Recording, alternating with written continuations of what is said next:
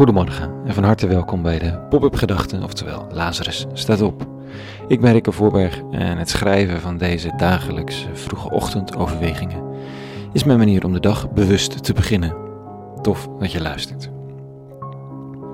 De kleintjes tegen de grote. Pop-up Gedachten woensdag 22 januari 2020.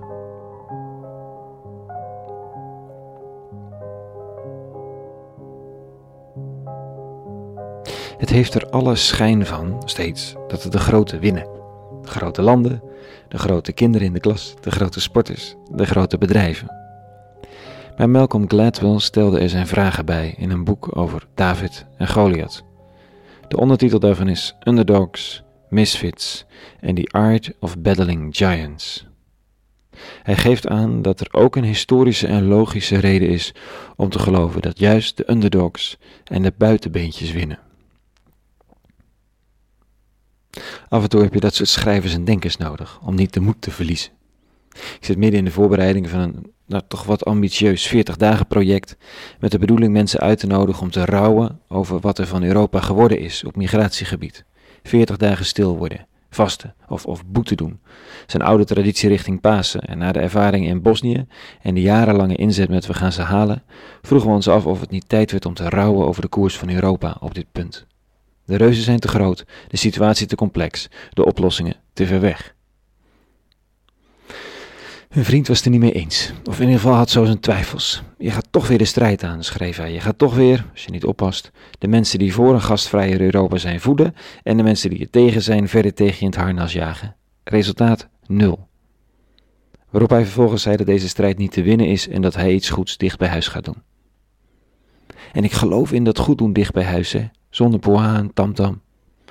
Maar de vraag of het onmogelijk is om de desastreuze effecten die het Europese beleid op vluchtelingen heeft nog te agenderen dan wel te veranderen, die vraag blijft wat mij betreft open. Niemand heeft de macht om het zomaar te veranderen. De padstelling is enorm, de inzet lijkt soms contraproductief. En dat gaat natuurlijk, dat is niet alleen zo als het gaat om dit hoofdstuk in de Europese geschiedenis. Maar het kan, Hetzelfde kan gelden voor de depressie van vrienden. De padstellingen enorm, de inzet contraproductief, of de pijn van een relatie die steeds verder stuk loopt. Ga zo maar door. Ik lees dit vanochtend over David en Goliath. Daar kwam de Filistijn aan, voorafgegaan door zijn schildknap, knaap. Steeds dichter naderde hij David. Maar toen hij David in het oog had gekregen en hem goed had bekeken, begon hij hem te honen, omdat David nog maar een jongen was, rossig en prettig van voorkomen. Hij riep David toe: Ben ik soms een hond dat je met een stok op me afkomt? Kleine, knappe jongen. Ik weet niet waarom het relevant is dat hij een knap kopje heeft. Maar goed, hij ziet er niet uit alsof hij gevechten met Badr Hari heeft overleefd. Of daar überhaupt ooit aan begonnen is. En ik heb het verhaal van de David die wint uiteindelijk altijd gezien als een puur goddelijk wonder tegen alle natuurwetten in. Want God komt zo vaak pas kijken in het leven van mensen als ze iets onverklaarbaars zien terwijl de natuurwetten zelf goddelijke ideeën zijn, volgens de teksten. En Malcolm Gladwell ziet een logica in de winnende underdog. En ik zet het uit mijn hoofd even op een rijtje. Als je het echt wil weten, lees het boek. Hij zegt een kampgevecht van man tegen man als manier om de strijd te beslissen, is, altijd een, is er altijd vanzelfsprekend eentje van zwaardvechter tegen zwaardvechter, speerwerper tegen speerwerper of slingeraar tegen slingeraar. Dus Goliath zocht een zwaardvechter om de krachten mee te meten ongeschreven regel. En Israël was gedoemd om dat te verliezen. Goliath was groot.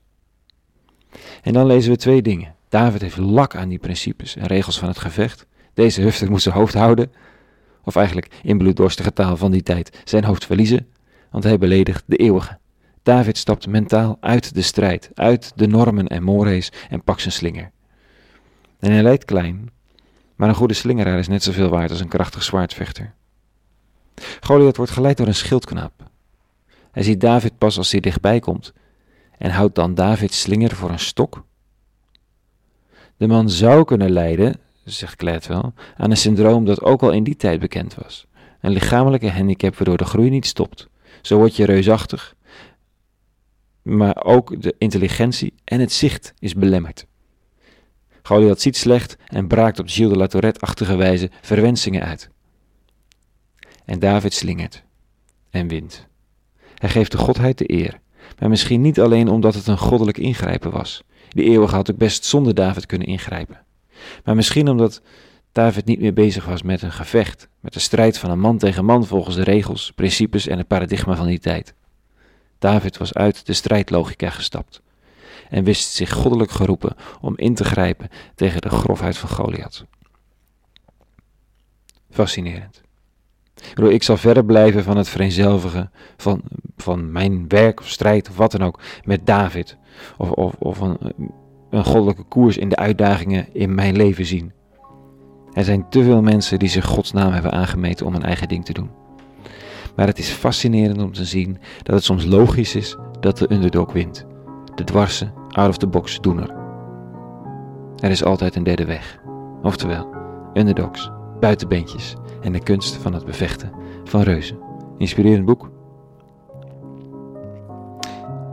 En voor nu, voor vandaag, vrede gewenst. En alle goeds.